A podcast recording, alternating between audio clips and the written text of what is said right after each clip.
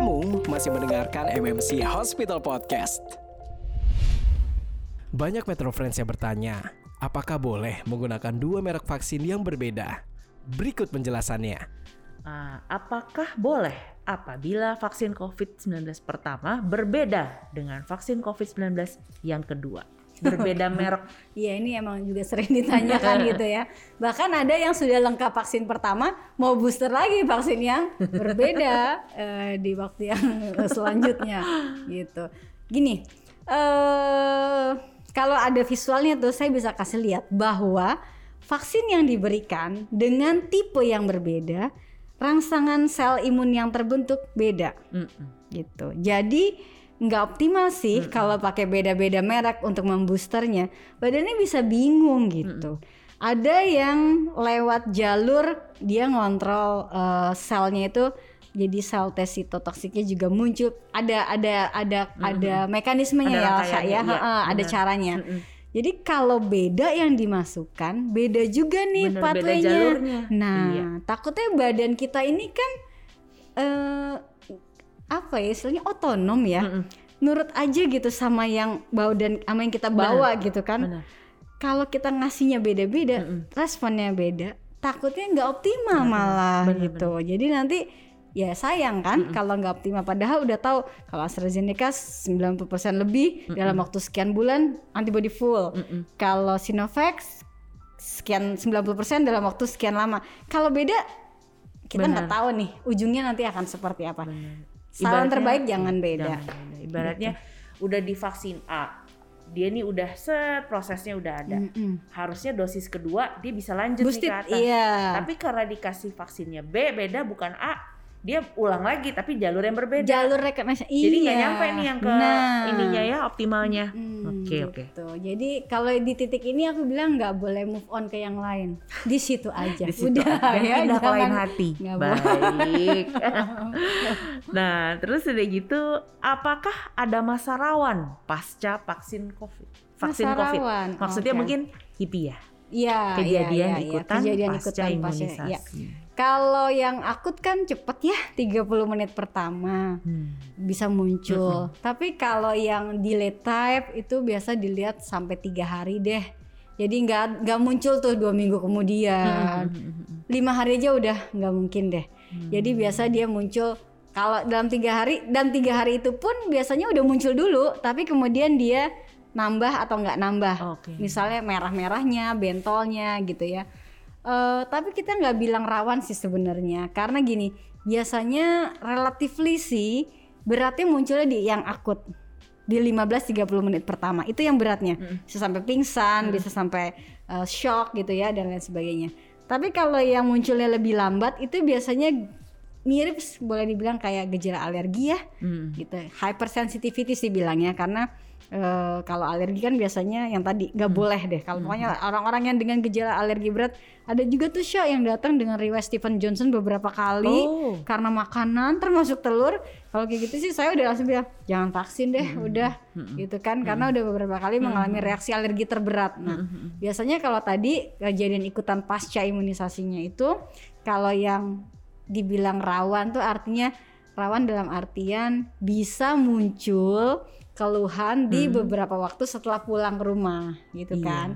Tapi ya itu biasanya gejalanya sih insya Allah nggak berat dan bisa ditangani dengan obat. Cuma pada beberapa pasien yang usianya udah lanjut agak pelan nih baliknya gitu. Jadi merahnya Iya, iya, masih iya. stay masih, Masih stay, ada iya, iya. gitu ya tapi bentolnya udah enggak gitu ada yang Setidaknya ada perbaikan lah ya itu. Betul, Oke. ada perbaikan gitu ya. Jangan Jadi khawatir, cuman hanya reaksinya aja lebih lama. Betul, reaksi lansia. pulihnya.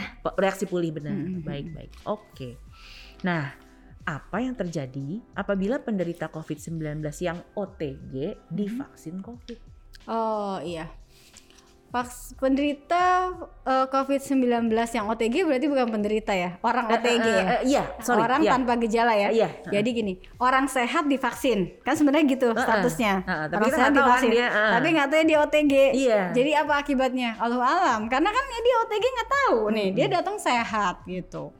Dia datang sehat, kemudian dia divaksin, berarti nggak ada yang salah di titik Iya, itu. iya. Tapi secara dalam tubuh tuh apa yang terjadi? Nah, gini, orang tanpa gejala ini kan unik ya. Uniknya apa? mereka punya virusnya, Mm-mm. tapi badan ignore, nggak ngasih gejala apa-apa, Mm-mm. gitu. Sebenarnya sih di titik tertentu antibodinya pasti terbentuk, tapi antibodinya tuh terbentuk kenapa? Ya ada yang asing di badan. Iya. Karena ada yang asing nih, karena ada virus di situ pasti ada tuh antibodinya terbentuk. Udah recognize sebenarnya. Nah, Oke. repotnya nih, repotnya sebenarnya kan badan kita gitu. Tujuannya antibodi dibentuk dulu dalam kondisi tertentu itu kan supaya kalau dikasih virus lagi dia langsung duk gitu Iya, kan. benar. Dia bereaksi gitu. Bereaksi, Ah, Hmm. betul. Bereaksi itu istilah yang udah bagus banget. Dikasih vaksin, masalahnya bereaksinya bisa jadi bereaksinya bergejala. Ah. bukannya. Jadi gini, bergejala dalam artian ya kalau badan Yang tadinya dia nggak ada gejala, Nah. jadi timbul. gitu. takutnya Ah. itu itu yang kadang di dalam demam berdarah disebut sebagai antibody dependent enhancement. Oke. Jadi orang udah punya antibodinya. Kemudian dikasih nih, walaupun dikasihnya sebenarnya virus tidak ter virus inactivated, virus mati gitu ya. Atau dikasihnya virus yang udah lemah banget, udah udah udah dicampur-campur yang lain gitu ya. Tapi ini kemudian jadi kayak kayak percikan api yang kecil, siram bensin sedikit, Sundut. Iya, kayak menyundut gitu Iya, loh, iya, Sya. iya, Nah, iya, iya, badan merespon kan.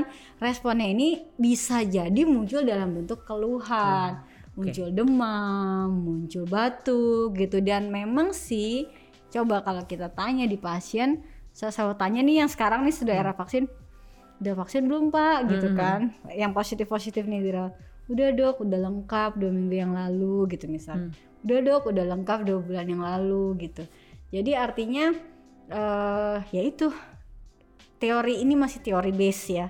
Kita belum bisa pastikan, belum bisa eh, teliti tapi yang pasti gini eh, satu yang harus diyakini bahwa vaksin itu semuanya virus yang terkontrol. Jadi jangan ah nggak mau ada vaksin masuk-masukin virus ngapain orang sekarang nggak ada virus di badan gitu kan. Nggak. Jumlahnya pasti sedikit. Sedikit yang cukup untuk merangsang antibodi terbentuk. Jumlahnya pasti nggak utuh karena kadang mRNA cuma diambil sedikit aja dari si virus atau dia digabungin sama yang lain. Jadi artinya tetap ini ada suatu produk yang sebenarnya aman.